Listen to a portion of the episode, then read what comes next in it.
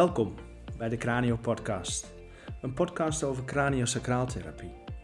En cranio gaat over verbinding, over de fascie, het weefsel dat alles verbindt in ons lijf. Maar ook over hoe we ons verbinden met onszelf, met de ander, met onze geschiedenis, de generaties voor ons, over het hier en nu en de toekomst. Kortom, over alles dat ons verbindt.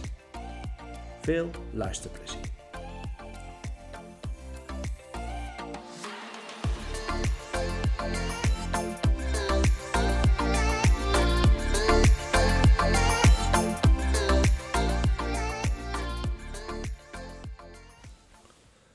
Eerste aflevering van de Cranio Podcast kon niet anders zijn als met Tom Bottema, eh, een van de oprichters van het Upplands Instituut Nederland, en nog steeds verbonden aan het instituut. En ik uh, spreek met hem uh, in, thuis in zijn woonplaats in Velp. En ik ben heel benieuwd naar zijn verhaal over hoe het begonnen is en waar we nu staan. Dag Tom. Dag Maarten. Uh, welkom bij de Cranio Podcast. Dankjewel. De eerste gast. Ja, bijzonder. En, bijzonder, zeker. En uh, wij kennen elkaar al een flink aantal jaren. Ja. Ik heb jou leren kennen toen ik met de opleiding begon. En dat is in 2000 geweest. En ik heb, ben jou later in de opleiding tegengekomen. En voor we dat, dat we naar jouw verhaal toe gaan, wil ik uh, eerst wat delen. Mm -hmm. Wat voor mij belangrijk is geweest in uh, jouw begeleiding of in jouw aanwezigheid. Uh, ik, en dat zijn twee momenten. Ik kan me heel goed herinneren dat ik denk in de evaluatiecursus, een van de laatste cursussen, op de bank lag voor mijn eigen proces. En dat uh, ik uh, twee mensen bij me had, een hoofdtherapeut en een assistent, hè, zoals dat gaat. Ja. Mm -hmm. En die processen, en uh, nou heel plat gezegd, die, die bakte er niet zoveel van op dat moment. en ik, ik voelde me een beetje zwemmen en, ik, en het was, want het was voor mij een heel bijzonder of een belangrijk stuk ja. waar ik naar wilde kijken. En op een gegeven moment dacht ik, weet je, laat maar zitten. Ik geef het wel op. En ja. dat is iets wat ik herken bij mezelf. En toen kwam jij erbij. En wat jij gedaan hebt, is me eigenlijk, um, nou voor mij voelde het op dat moment een soort teruggeduwd in het proces. En eigenlijk liet je daarmee zien van, uh, um, ik laat je het niet opgeven. Ik blijf bij je. En ik, uh, ik, ik geef je niet op eigenlijk mm. in dit stuk. En daar heb je me een, een prachtig proces in begeleid. Uh, en dat was voor mij een teken dat hoe belangrijk het is dat je gezien wordt en gehoord wordt in je proces. En dat, de, ja, dat, dat iemand echt met hart en ziel bij je kan zijn en zegt van... Uh, ik weet hoe jij, hoe jij elkaar steekt, maar ik, ik blijf bij je. Dus dat, dat, dat is altijd bij me gebleven nog. Het scheelt ook dat we qua een heleboel dingen aardig gelijk in elkaar steken. Dat is zeker zo, dat is zeker zo. En dat, dat is ook voelbaar dat je ja. mij daarin herkende ook. ja. ja.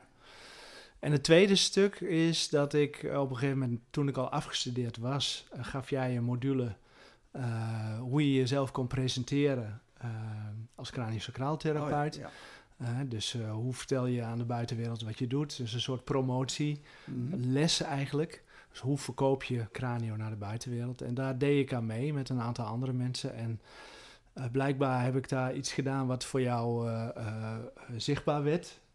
En ik weet nog dat jij mij vroeg toen ik na de tweede dag, waren twee dagen, naar huis wilde gaan bij de uitgang. Hé hey, Maarten, heb jij er wel eens over nagedacht om docent te worden?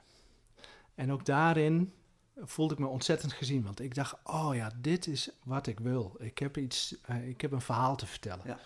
En, ja. Dus ja, dat, daar ben ik je persoonlijk heel dankbaar voor. En uh, ik kan me voorstellen, en nu kom ik, kom ik bij jouw verhaal, wat...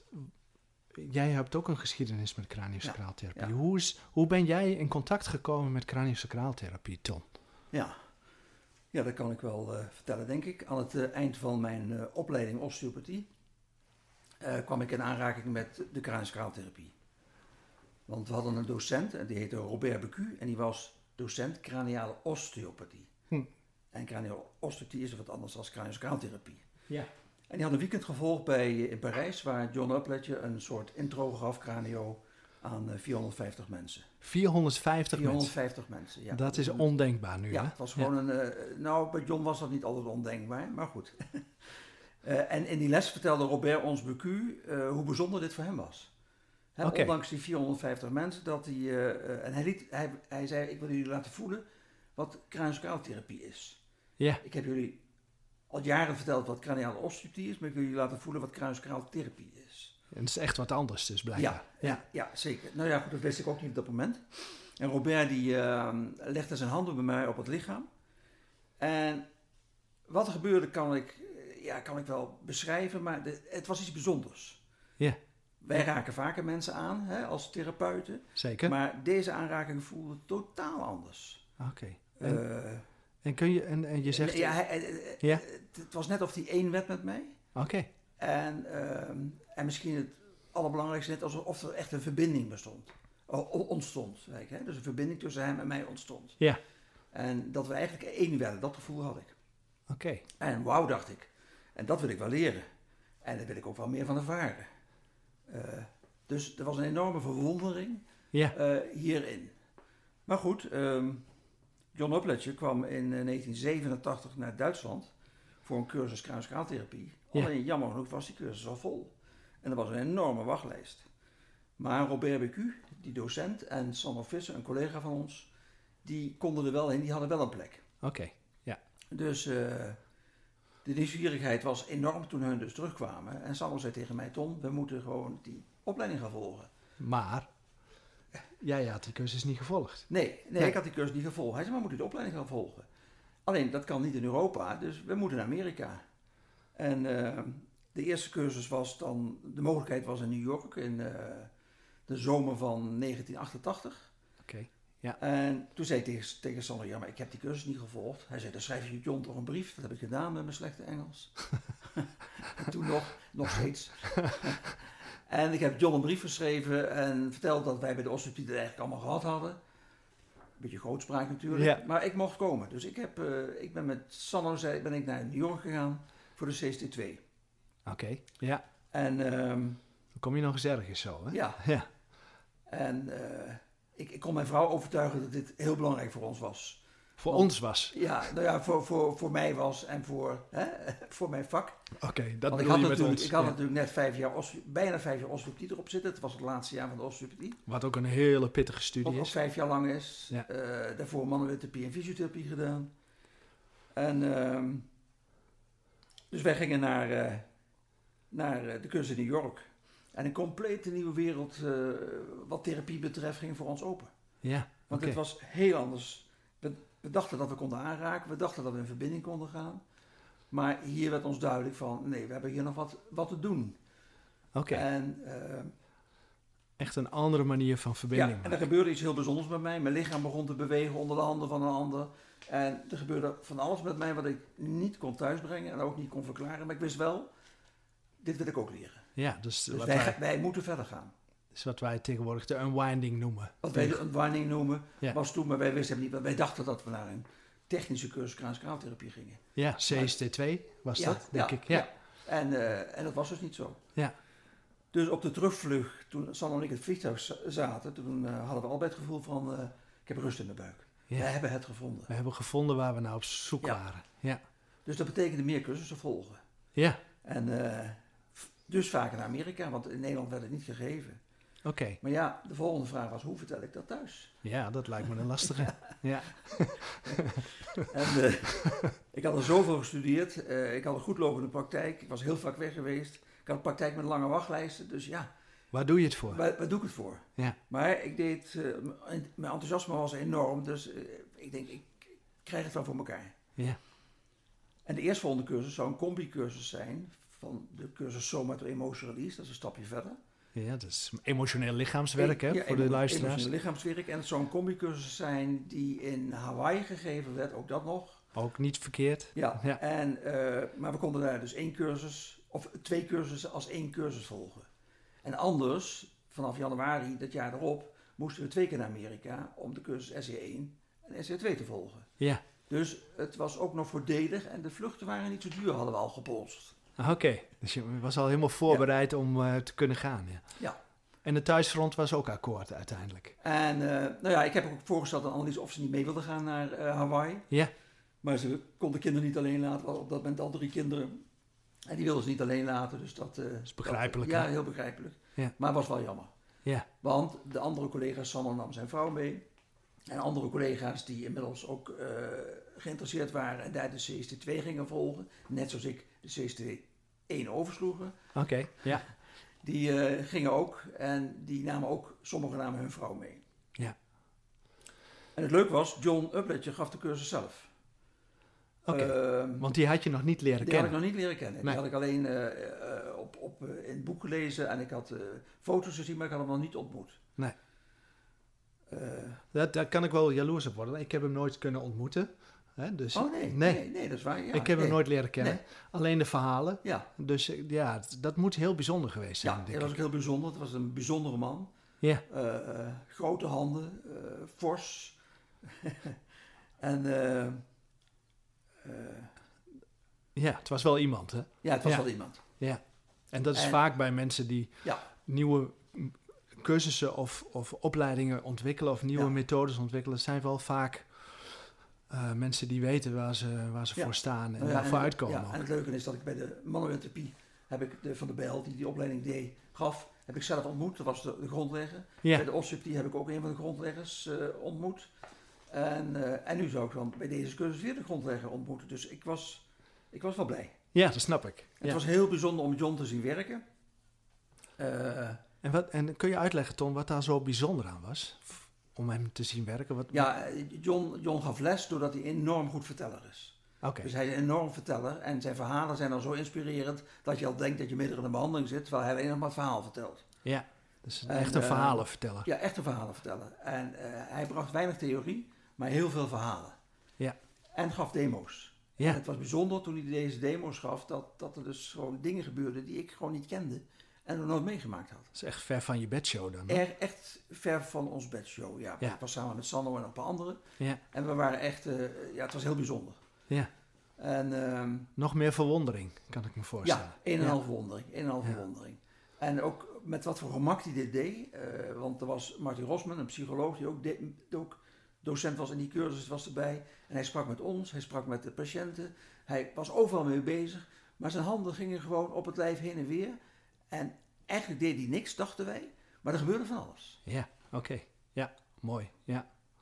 Dus ehm, Bijzondere ervaring. ja, voor ons Ja. was het eigenlijk magie Ja. op dat moment. En je hebt het vooral over eh, eh, hoe je het beleefd had toen je ernaar keek, maar je bent zelf ook op de bank geweest. Ja, ik ben zelf ook op de bank geweest. Ik moet Ja. zeggen dat ik eh, ervaarde op de bank niet zoveel, mijn lijf wel, want mijn lijf deed van alles. En ik ging van de bank af, ik ging onder de bank door. Maar als ze dan, als ze dan vroegen van, voel je wat? Dan stokte alles. Ik zei, nee, ik voel niks. Ja. Maar mijn lijf liet van alles zien. Ja. En, eh, en dat was zo bijzonder dat ik dacht van, dit is, ja, dit is, dit is ook nog heerlijk ook. Ja. Hè? Dus ik, ik hoefde ook niet na te denken, het gebeurde gewoon. Ja. Dus... ehm, eh, Maar je was nog niet echt in contact met wat je nou voelde in je lijf. Nee, ik was niet in contact met wat ik, wat ik voelde. Ik wist alleen dat mijn lijf liet dingen zien Ja. en liet mij dingen voelen. En het gaf een enorme ontspanning. Maar ik wist niet wat er gebeurde. Maar voor jou was dat op dat moment voldoende. Voor mij was het prima. Ja, Ja. was het prima. Ja. En, ik, eh, en elke keer als ze me vroegen van, wat voel je? Of heb je beelden erbij? Want zo waren ze mee bezig. Dan stokte alles bij mij en dan lag ik ook stil. Ja. En als ze dan weer even de tijd namen en de handen erop lieten liggen, dan begon mijn lijf weer te bewegen en dan gebeurde er van alles. Ja. Dat is eh, wat vrij typisch voor ons karakterafweerstructuur, hè Tom? Ja. Eh, onze schizoïde, Ja, sensitief teruggetrokken Ja. structuur, dat wij moeilijk kunnen voelen in ons eigen lijf. Ja, Op het moment dat ze praten over gevoelens of praten over beelden, dan was ik weg. Ja. Maar ik wist, dit is iets heel bijzonders. Ja, precies. En, eh, en eh, mijn lijf laat het ook toe, dus we zullen zien. Ehm, ik was er met Sanno en, en er was nog iemand, Jan van Dixhoorn. Daar kom ik later nog op terug, Jan van Dixhoorn. En Frank de Waard. En de andere osteopaten uit onze groep, die waren ook op Hawaii, maar die volgden de cursus CST2. Ah ja, die, ja. En wij wilden graag dat John naar Nederland kwam. Maar John die vliegt niet graag. En eh, in gesprekken met John, want hij vond het best interessant dat wij Hollanders daar waren. Dat mensen uit Holland naar zijn cursus kwamen. Ja. En eh, dus in de gesprekken met hem eh, stelde hij voor van, nou jullie maken de cursus gewoon af. En dan komen jullie daarna komen jullie naar Amerika. En ik leer jullie wel het lesgeven. ja, dus daar werd je dan door hem opgeleid Dan werden we door hem opgeleid eigenlijk om, om les kunnen geven. Ja. En ik dacht van, ja, ik wil wel op die eerste rij zitten, maar ik weet niet of ik ga lesgeven. nee, dat, dat is ook weer ver van je bed. Ja, ook een beetje ver van hem. Ik, was, ik ben echt een praktijkmens, ik kan heel goed met mijn handen werken. En dat doe ik ontzettend graag, maar dat was ook een beetje ver van mijn bedshow. In de vorige Maar goed. groep. Ja. Sam en ik zijn eh, verder gegaan. We zijn in het jaar erop, in eh, eh, 1989, hebben wij de cursus afgerond in Amerika. En eh, hebben ook eh, eh, meegelopen in de Brain and Spinal Cord Kliniek in, eh, in Florida. Dus we hebben heel veel ervaring gehad in wat het allemaal kan. En, we- en vertel eens Ton, wat is dat precies? De Brain and Spinal Brain and Cord? Spinal Cord Kliniek is een, eh, is een eh, ja, ze noemen het een kliniek. Maar het is eigenlijk een behandelruimte waar vijf mensen twee weken, tenminste destijds, twee weken lang behandeld worden. En dit zijn mensen die, eh, die eh, of heel erg invalide zijn of eh, heel erg slecht zijn in hun lijf. En die worden na twee weken met van alles behandeld. Kruiskraaltherapie, maar ook osteopathie, ook acupunctuur en van alles. Echt multidisciplinair. Ja, maar de hoofdzaak ligt op de kruiskraaltherapie. En elke ochtend wordt het nagebesproken en die worden meestal door drie of vier mensen behandeld, tegelijk behandeld. Ja. Die hebben dus vier paar handen op het lijf. ja, dus een hele intensieve begeleiding en Een hele ondersteuning. intensieve begeleiding, maar ook met enorme resultaten. Ja. En, eh, en John vertelde ons die resultaten. eh, en, ik heb ze, en toen dacht ik wel eens van ja, ja, leuk, maar Het zal wel. het zal wel. Totdat ik natuurlijk op die Brain and Spinal Cord Clinic zelf meemaakte.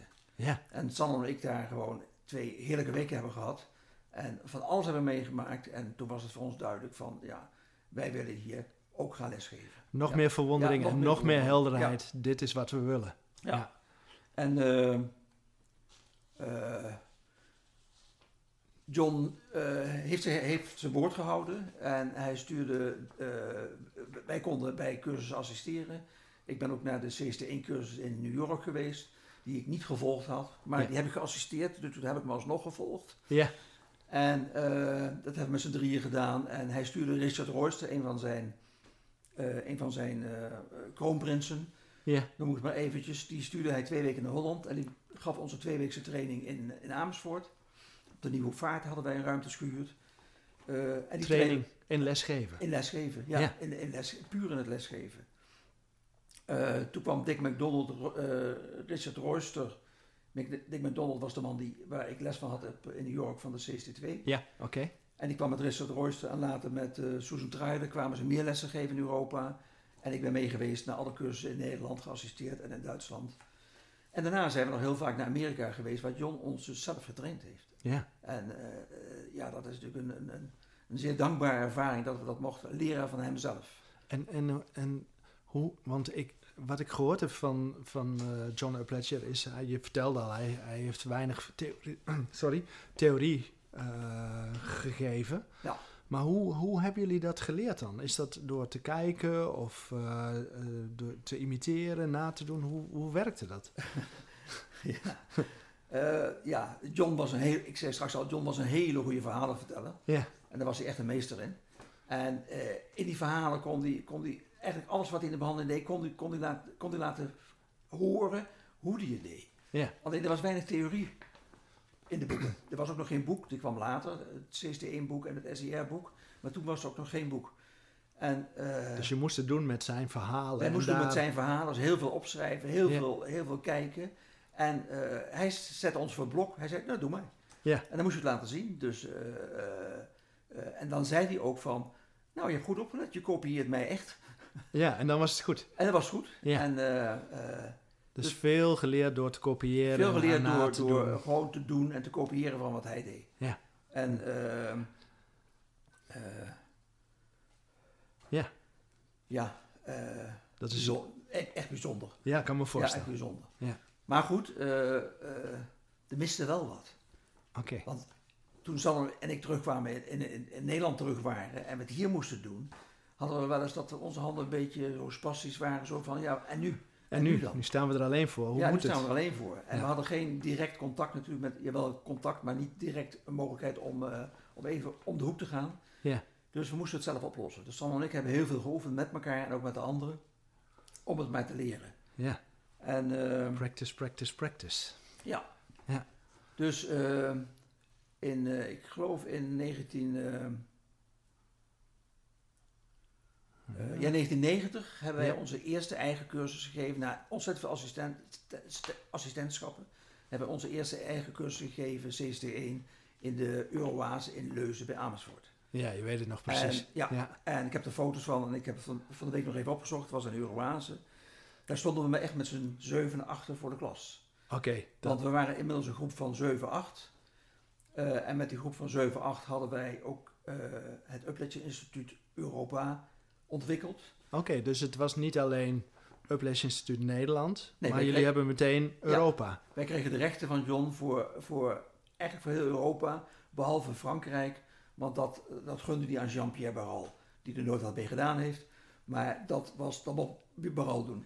Ja, de Jean-Pierre Peral is, be- is bekend vanwege de Van visseralen. Ja, en die Ja. werkte veel samen met John. Ja. Maar goed, wij kregen de rechten voor heel Europa. Dat wilde zeggen dat wij dus overal in Europa konden gaan lesgeven. En dat heb je ook gedaan volgens mij. Ja, want dat rolde vanzelf. Dat is, dat is eh, bijna niet te vatten hoe de Cranio vanzelf rolde.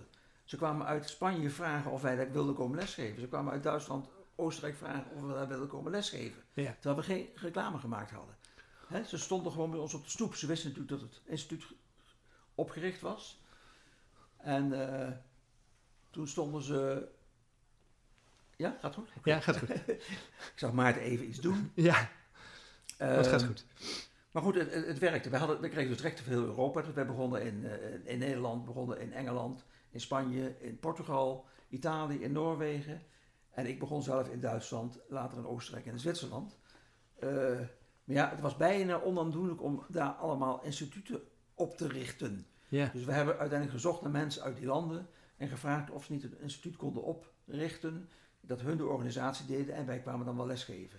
ja dat- oké. Dat hebben we steeds gedaan. We zijn steeds gaan lesgeven. Maar ik, eh, we hebben toen echt het Upletje Instituut Nederland opgericht. En ons eigenlijk een beetje teruggetrokken naar ons eigen instituut. Ja, en, de, en de, alle andere Europese up, instituten hebben hun eigen organisatie hebben gehad, maar langzamerhand jullie een hebben eigen organisatie gekregen. En eigen docenten. eigen, eerst niet, maar later hun eigen docenten. Ja. ja. Het lijkt me een hele innoverende tijd geweest te Ja. zijn. Het werd ons ook, eh, op een gegeven moment groeide het ons ook eh, organisatorisch boven het hoofd. Ehm, dus we hebben e- eigenlijk in eh, 1996 eh, hebben we gezegd, we moeten hier iets aan doen.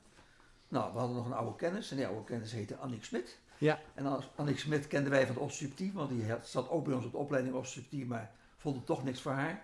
En eh, we hebben Annick gebeld en eh Annick wilde wel voor ons komen werken. Ja.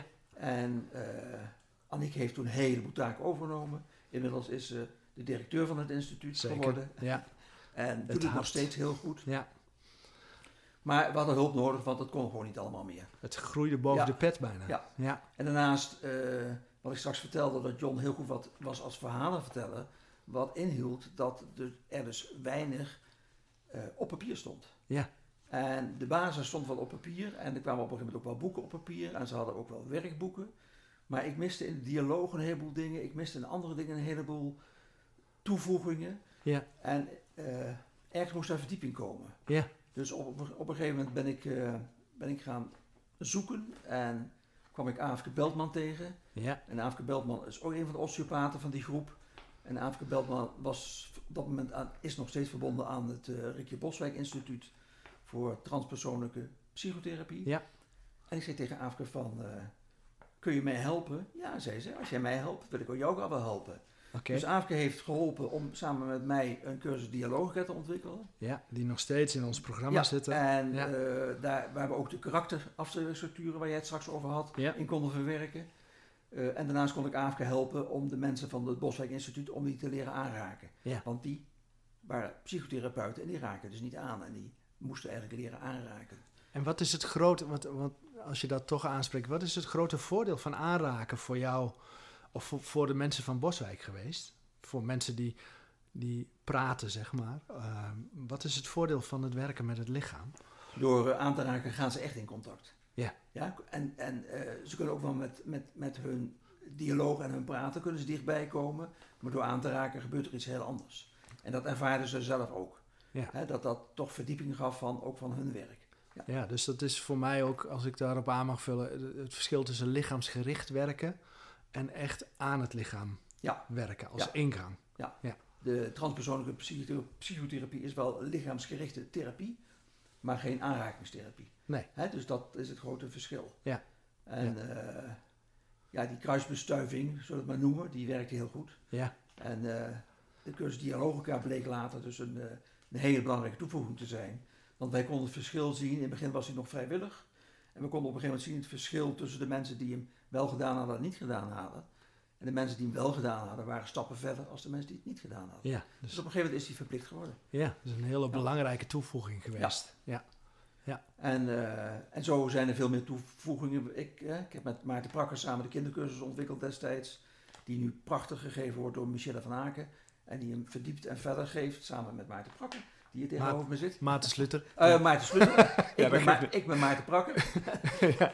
Ik heb ontwikkeld met Maarten Prakker. En, Ja. en eh, ja, nee, Michelle, ik geef Michelle samen. geeft hem samen met, met Maarten. En ook dat is een heel goed duo.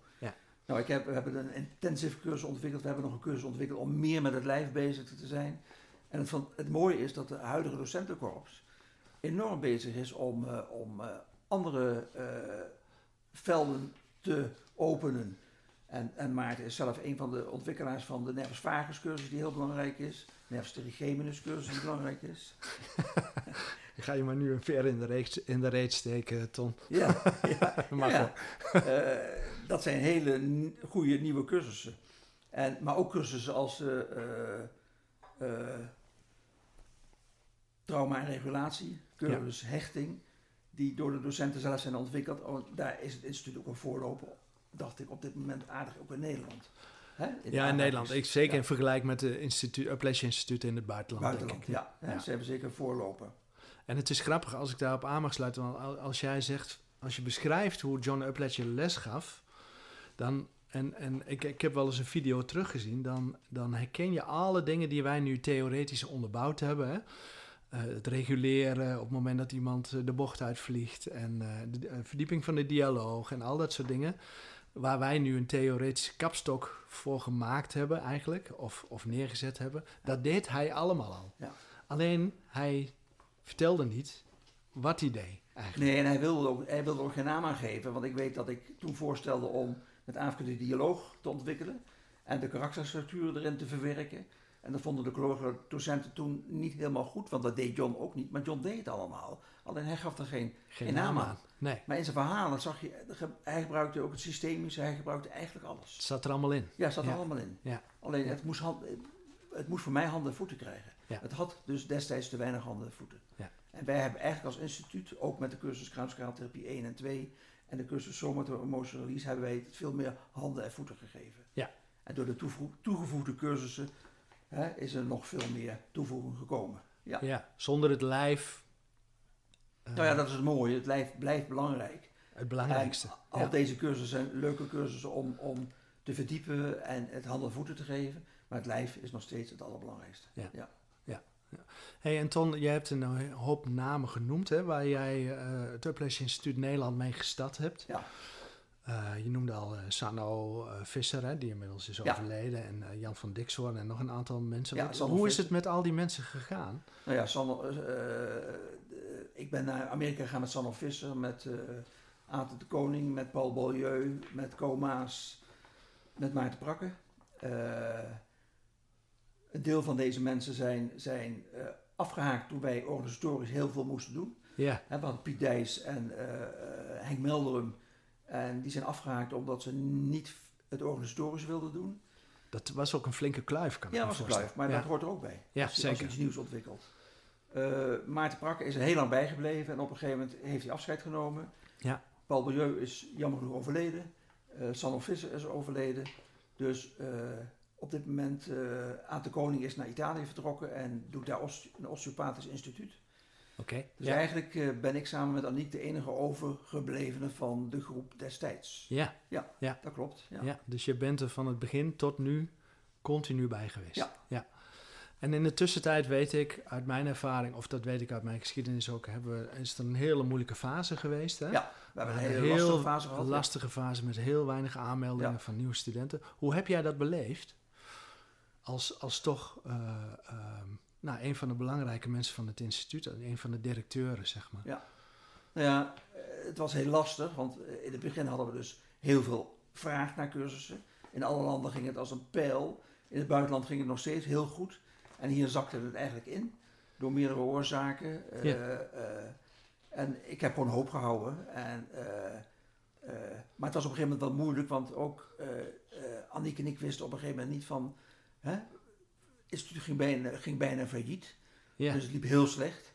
Dus we zeiden van, ja, we moeten verder. De docenten die er waren, die wilden ons wel helpen, maar niet de organisatorische stukken nemen. Dus we hebben toen eh, Monique Volkering, ook een van de docenten, gevraagd of ze niet. En Monique heeft eh, met, eh, met, met daadkracht heeft ze dat gedaan. Ja. En is toen ook een van de directeuren van het instituut geworden. Ja, en zeker. he- heeft haar in, inbreng gebracht om, om te zorgen dat, dat we met z'n drieën het instituut plus docenten verder konden, eh, vorm konden geven. Ja. En wonder boven wonder hebben we nu een fantastisch instituut wat vast, fantastisch draait. Dus Ja. wat dat betreft, eh, En zonder daar, want ik, eh, dat laat ook jouw passie en ook de de passie van de andere docenten zien die toen les gaven, denk ik. Want ik weet van jou dat je ook ehm, les hebt gegeven voor een appel en een ei op dat moment. Ja, om, het, zelfs- om het instituut maar Ja. overeind te houden. ja, ik heb, eh, ik heb eh, een heleboel cursussen gratis gegeven. Maar ook docenten die niet in de, van het eerste uur waren en niet in de directie, die hebben ook gratis cursussen gegeven. Dus iedereen gaf op een gegeven moment gratis cursussen, zodat we maar konden blijven bestaan. Ja. Ja. Dat, dat laat ook zien hoe, Ja. ook bij de docenten van nu, hoezeer het, hoe de opleiding Cranio en het Uplees Instituut in het hart zitten. Ook, ja. ja. En, en je zei van, goh, en het, het is nu een heel, ehm, eh, we zijn eruit gekomen en het loopt nu hartstikke goed. Dat klopt ook, hè? Ja. ja. Ja. En jij geeft ook nog steeds eh, les, of je bent er nog bij, zeg maar. Ik ben er nog bij. Ik geef eh, praktijkondersteunende dagen. Dat is ook wat ik het liefste doe. Ja. Ik hoef geen hele cursussen meer te geven. En wat is Maar- er leuk, want je geeft de POB SEA, hè, dus Ja. eh, eh, emotioneel lichaamswerk, eh, praktijkdagen, dus Ja. oefendagen. Wat, wat, wat vind je daar nog steeds zo leuk aan? het leuke vind ik dat we nog steeds de mensen ontzettend enthousiast kunnen maken. En kunnen helpen om het enthousiasme ook mee te nemen. en zich te verbeteren door het enthousiasme wat wij uitstralen.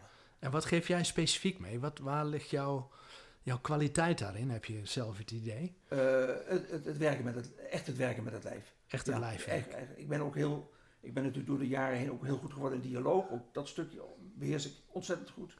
Maar het werken met het lijf is voor mij het allerbelangrijkste. En dat kan ik ook laten zien. Hè? Ja. En dat is ook, denk ik, een hele belangrijke. Want Ja. door al, en dat is misschien het nadeel van al die theoretische kapstokken die we gemaakt Ja, hebben van wat we doen, dat het lijf soms vergeten wordt. Ja. ja. en, en, en daarvoor is het een van de redenen dat ik ook nog ben. Ik ben niet de enige, want Maarten die tegenover me zit hier, die is ook een van degenen die graag met het lijf werkt en Zeker. daar zeker steun aan verleent.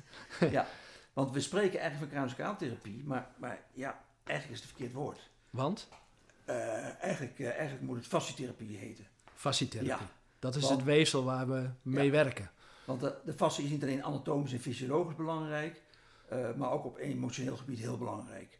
Hè, de fascie is in staat om informatie op te slaan, om informatie vast te houden, maar kan ook informatie weer loslaten. Ja, dat is wat En- wij doen ook. Hè? Ja, dat en wij, bij mensen die, ja. klacht- die klachten hebben, die hebben ergens in hun leven, is er iets gebeurd waardoor ze de informatie vastgezet hebben en niet meer konden loslaten. Ja. Eh, en, en ik herinner me altijd dat John zei van als een stuk plastic, als een audiotape of een videotape in staat is om informatie op te, op te slaan en hoeft maar een knop te draaien en het wordt afgespeeld, een hele Ja. symfonie van Beethoven, dan moet zoiets intelligents als het bindweefsel, de fascie, moet toch zeker informatie kunnen opstaan, maar ook kunnen loslaten. ja, dat is een mooi voorbeeld, Ja, vind en ik dat vind ik van John steeds een van de mooiste voorbeelden. Want normaal gesproken, als de homeostasis in het lijf goed is, dan herstelt het lijf zichzelf.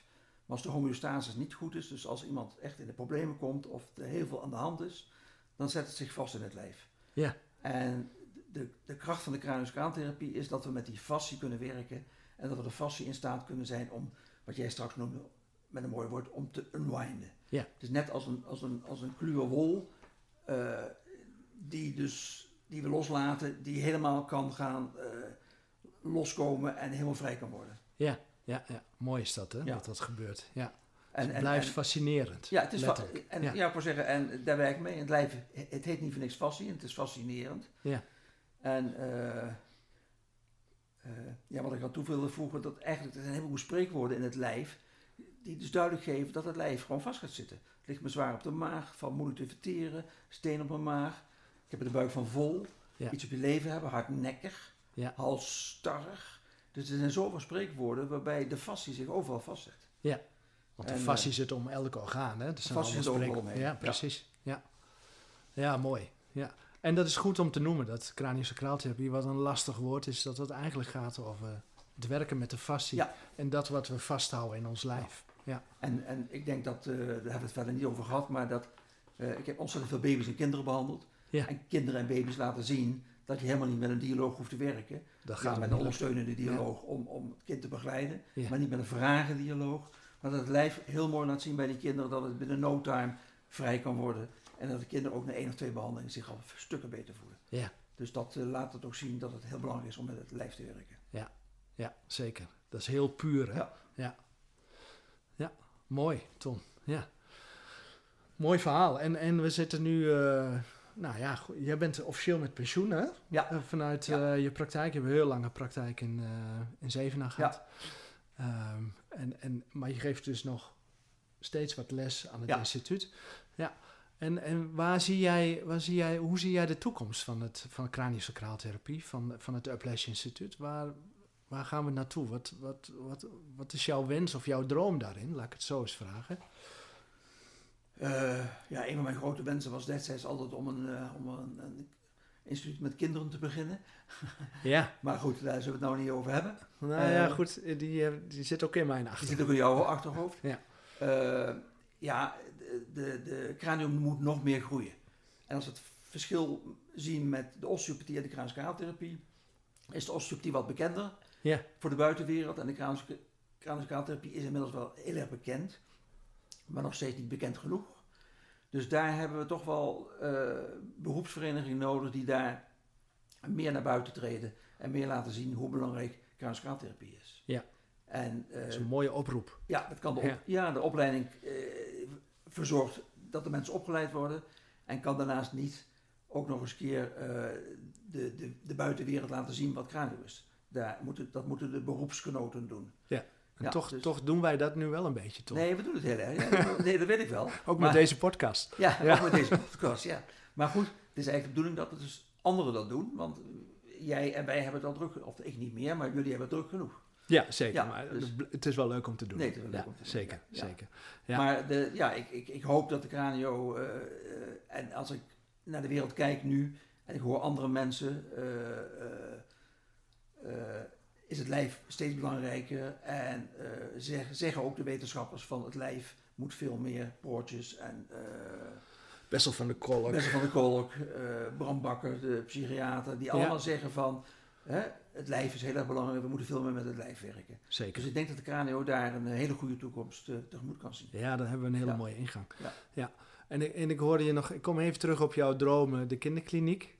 Want jij hebt wel, eh, in Duitsland weet ik, eh, in projecten gewerkt waar veel met kinderen gewerkt werd. Ja, ja. Kun je daar iets over vertellen? Ja, ik heb, een, eh, ik heb samen met Astrid Koelers heb ik projecten gedaan. Dat is een Duitse Dat is collega. een Duitse collega en een docent van het Duitse instituut en een vriendin van mij van vroeger. En Astrid en ik hebben projecten gedaan in het Friedensdorf. Dat is een instelling waar kinderen uit alle gewelds- en oorlogsgebieden in de wereld opgevangen worden in Duitsland in een soort eh, revalidatiecentrum. Oké. En deze kinderen hebben allemaal ontzettend veel eh, problemen. Eh, en daar hebben we een proef gedaan om met deze kinderen en de therapeuten die daar werkten, om daar met deze kinderen te werken. En ja, dat is een enorm geslaagd eh, experiment geworden. Eh, Want- jammer, Ja? jammer genoeg is het niet voortgezet, omdat er natuurlijk altijd geld ontbreekt. Ja. En, eh, en wij het al eh, bijna eh, heel lang gedaan hebben, eigenlijk voor niks. Ik heb gewerkt in het KIT in Düsseldorf, dat heet Kind in Diagnose. Daar zijn kinderen in een tehuis waar ze heel veilig zijn, die allemaal te maken hebben met misbruik en mishandeling thuis. En allemaal uit het huis gezet zijn. Ook daar hebben we een week en later, iedere 14 dagen, een zaterdag, hebben wij eh, een jaar lang hebben we dus de kinderen behandeld met craniosacraaltherapie, wat ook heel veel succes, he- succes heeft opgeleverd. En daar is wel een therapeut mee aan de gang gegaan in dat instituut. Ehm, Ik heb in Mhm. Oostenrijk bij ehm, in een instituut voor autisme en voor andere problemen met kinderen heb ik bij Dr. Banfi hebben wij een week gewerkt. Eh, ja, en het zijn allemaal projecten die in Duitsland en in Oostenrijk van de grond kwamen, maar hier allemaal in Nederland nog niet. Nee. Nee. En, en je vertelde dat, dat het succesvol was. Hè? Want Ja. wat, ik ben benieuwd, wat gebeurt er dan? Eh, wat zijn de successen bij die kinderen? Wat, wat, wat kun je bereiken? Nou ja, ik kan wel het voorbeeld van het KIT noemen. Toen we bij het KIT kwamen, dat zijn allemaal kinderen tussen de, tussen de 4 en de, en, de, en de 14, 15 jaar. En allemaal kinderen die met echt fysiek geweld, lichamelijk geweld, misbruik te maken hebben gehad. En ja, die moesten wij gaan aanraken. Ja, dat lijkt me nog Dat een- was, maar goed, de directeur eh, had iets gehoord en iets vernomen van onze therapie en wilde ons graag daar hebben. Dus we hebben ook afgesproken van, oké, we gaan het, we doen het één dag met die kinderen en kijken als de kinderen het leuk vinden en fijn vinden en als het iets doet, of die kinderen dan met ons willen werken. Ja. En eh, het had dus kunnen zijn dat we na die dag vertrekken moesten en nooit meer terug zouden komen. Maar alle kinderen wilden ontzettend graag met ons werken. Ja. En wat het gebracht heeft, is dat deze kinderen beter sliepen, dat deze kinderen minder angstig werden, dat deze kinderen eh, weekenden naar huis mochten omdat ze veel sterker geworden waren. Ja. En eh, ja, een project over een, ik dacht anderhalf jaar, met een wetenschapper die het ook bekeken heeft om te kijken van wat doet het met de kinderen. En eh, ja, daar zijn wel positieve berichten uitgekomen. Wetenschappelijk is er niks verklaard, maar er zijn wel positieve berichten Ja. uitgekomen. De ervaring was Ja. De kinderen kwamen letterlijk beter in hun vel te zitten. Als ik En het dat- zo hoor. Ja, en het kit bestaat nog steeds en dat Vriendensdorf bestaat ook nog steeds. Ja. Eh, en ik weet niet hoe het nu is, want ik heb daar geen contact meer mee. Nee. Oké. Ja. Ja. bijzonder. En jammer dat dat in Nederland niet loopt. Hè? Want Nee. als je kijkt naar al die vluchtelingen die ook veel kinderen, Oekraïne, ja, ja, zou Afghanistan, zijn. waar ze Ja, allemaal ja, vandaan komen, ja. die zouden zoveel baat hebben bij een multidisciplinaire aanpak Ja. met cranio erin, denk ik. Ja. ja, er is nog veel te doen wat Ja. dat betreft. Ja. Ja, en sommige dingen lukken, lukt in het buitenland soms makkelijker. Ik heb in Oostenrijk in de, in de universiteitskliniek van Graz mocht ik werken met, eh, op, de- op de, op de eh, neonato- neonatologieafdeling. ja, dus vroeggeboren Ja, kinderen. vroeggeboren kinderen. En daar hebben we met kranio ook gewerkt en met aanraken gewerkt. Ja, en dat is gewoon fantastisch als je ziet eh, wat, wat daar ontstaat en wat er gebeurt. Ja. Ja. ja, dat is wel de kracht van aanraking De kracht van aanraking. Ja. ja. Ja. En ook daar waren de, de, de, de, de, in Oostenrijk is de hiërarchie nogal groot. Dus de artsen hebben een hele hoge positie en kijken neer op andere therapeuten. Maar ik moet zeggen dat ze voor mij een buiging maakten toen ik daar, Ja, toen ik daar een weekje gewerkt had. Ja, ja, oké. ja. Dus, eh, Zo zichtbaar was zo het al. zichtbaar was, nou, hun eigen kinderen heb ik behandeld. En dat was voor hen ook zichtbaar. Ja, Ja, dat is wel een, mooie ingang. Ja. Als ze dat zien. Goh, mooi hoor. Ja. Ja. ja. dat zou mooi zijn als we dat in Nederland ook aan de grond, Ja. van de grond krijgen, dat soort dingen. Ja, ja prachtig. Ja. Ja, we hebben het wel geprobeerd. Sander en ik hebben geprobeerd om jaren geleden om hè, eh, in het instituut eh, therapiedagen te ontwikkelen waar kinderen behandeld werden. Maar ja, het liep altijd weer dood op financiën en op eh, hè, te weinig tijd. Dus we hebben een grote geldschieter nodig. Ja, we eigenlijk. groot geld zitten nodig. Die hebben we wel gehad, maar Ja. ja. ja, mooi. Ja, goed, maar dat- blijven dromen. denk blijven ik. dromen. Ja, ja, ja. Mooi verhaal, Tom. Ja. Ehm, hebben we nog, zijn we nog iets vergeten? Is er nog iets wat je wilt delen, wat belangrijk voor je is nog? Over jouw verhaal, over Cranio. Jouw verhaal met Cranio. Nee, het enige wat ik, eh, wat ik, eh, hè, ik ben ontzettend blij dat het instituut nu goed draait. Ja, En dat het ook in hele goede handen is. Eh, wat we nodig hebben, dat weet jij ook, is nog meer goede docenten. We hebben goede docenten.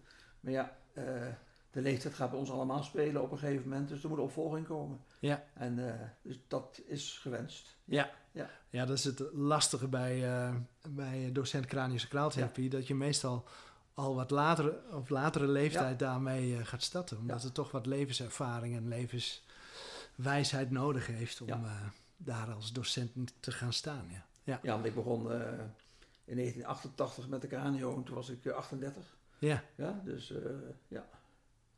Ja, ja. Dat is vrij jong. Hè? Ja, dat is vrij jong. Ja, ja, maar goed, dat Ja. was in, in, Ja. ja. aan de ene kant wel, maar aan de andere kant ook niet. Ja. Ja, ja. Ja. Ja. Ja, want de andere collega's die waren al eh, die waren nog tien jaar ouder, dus dat, dat klopt, ja. Ja. ja. Ja. Nee, ik heb, ehm, Ik geloof niks toe te voegen. Nee. Fijn dat ik het verhaal mag vertellen. Ja, Dankjewel. graag gedaan. En fijn eh, om dit te mogen doen Ja, aan deze kant. Ja. Dankjewel, Tom. graag gedaan.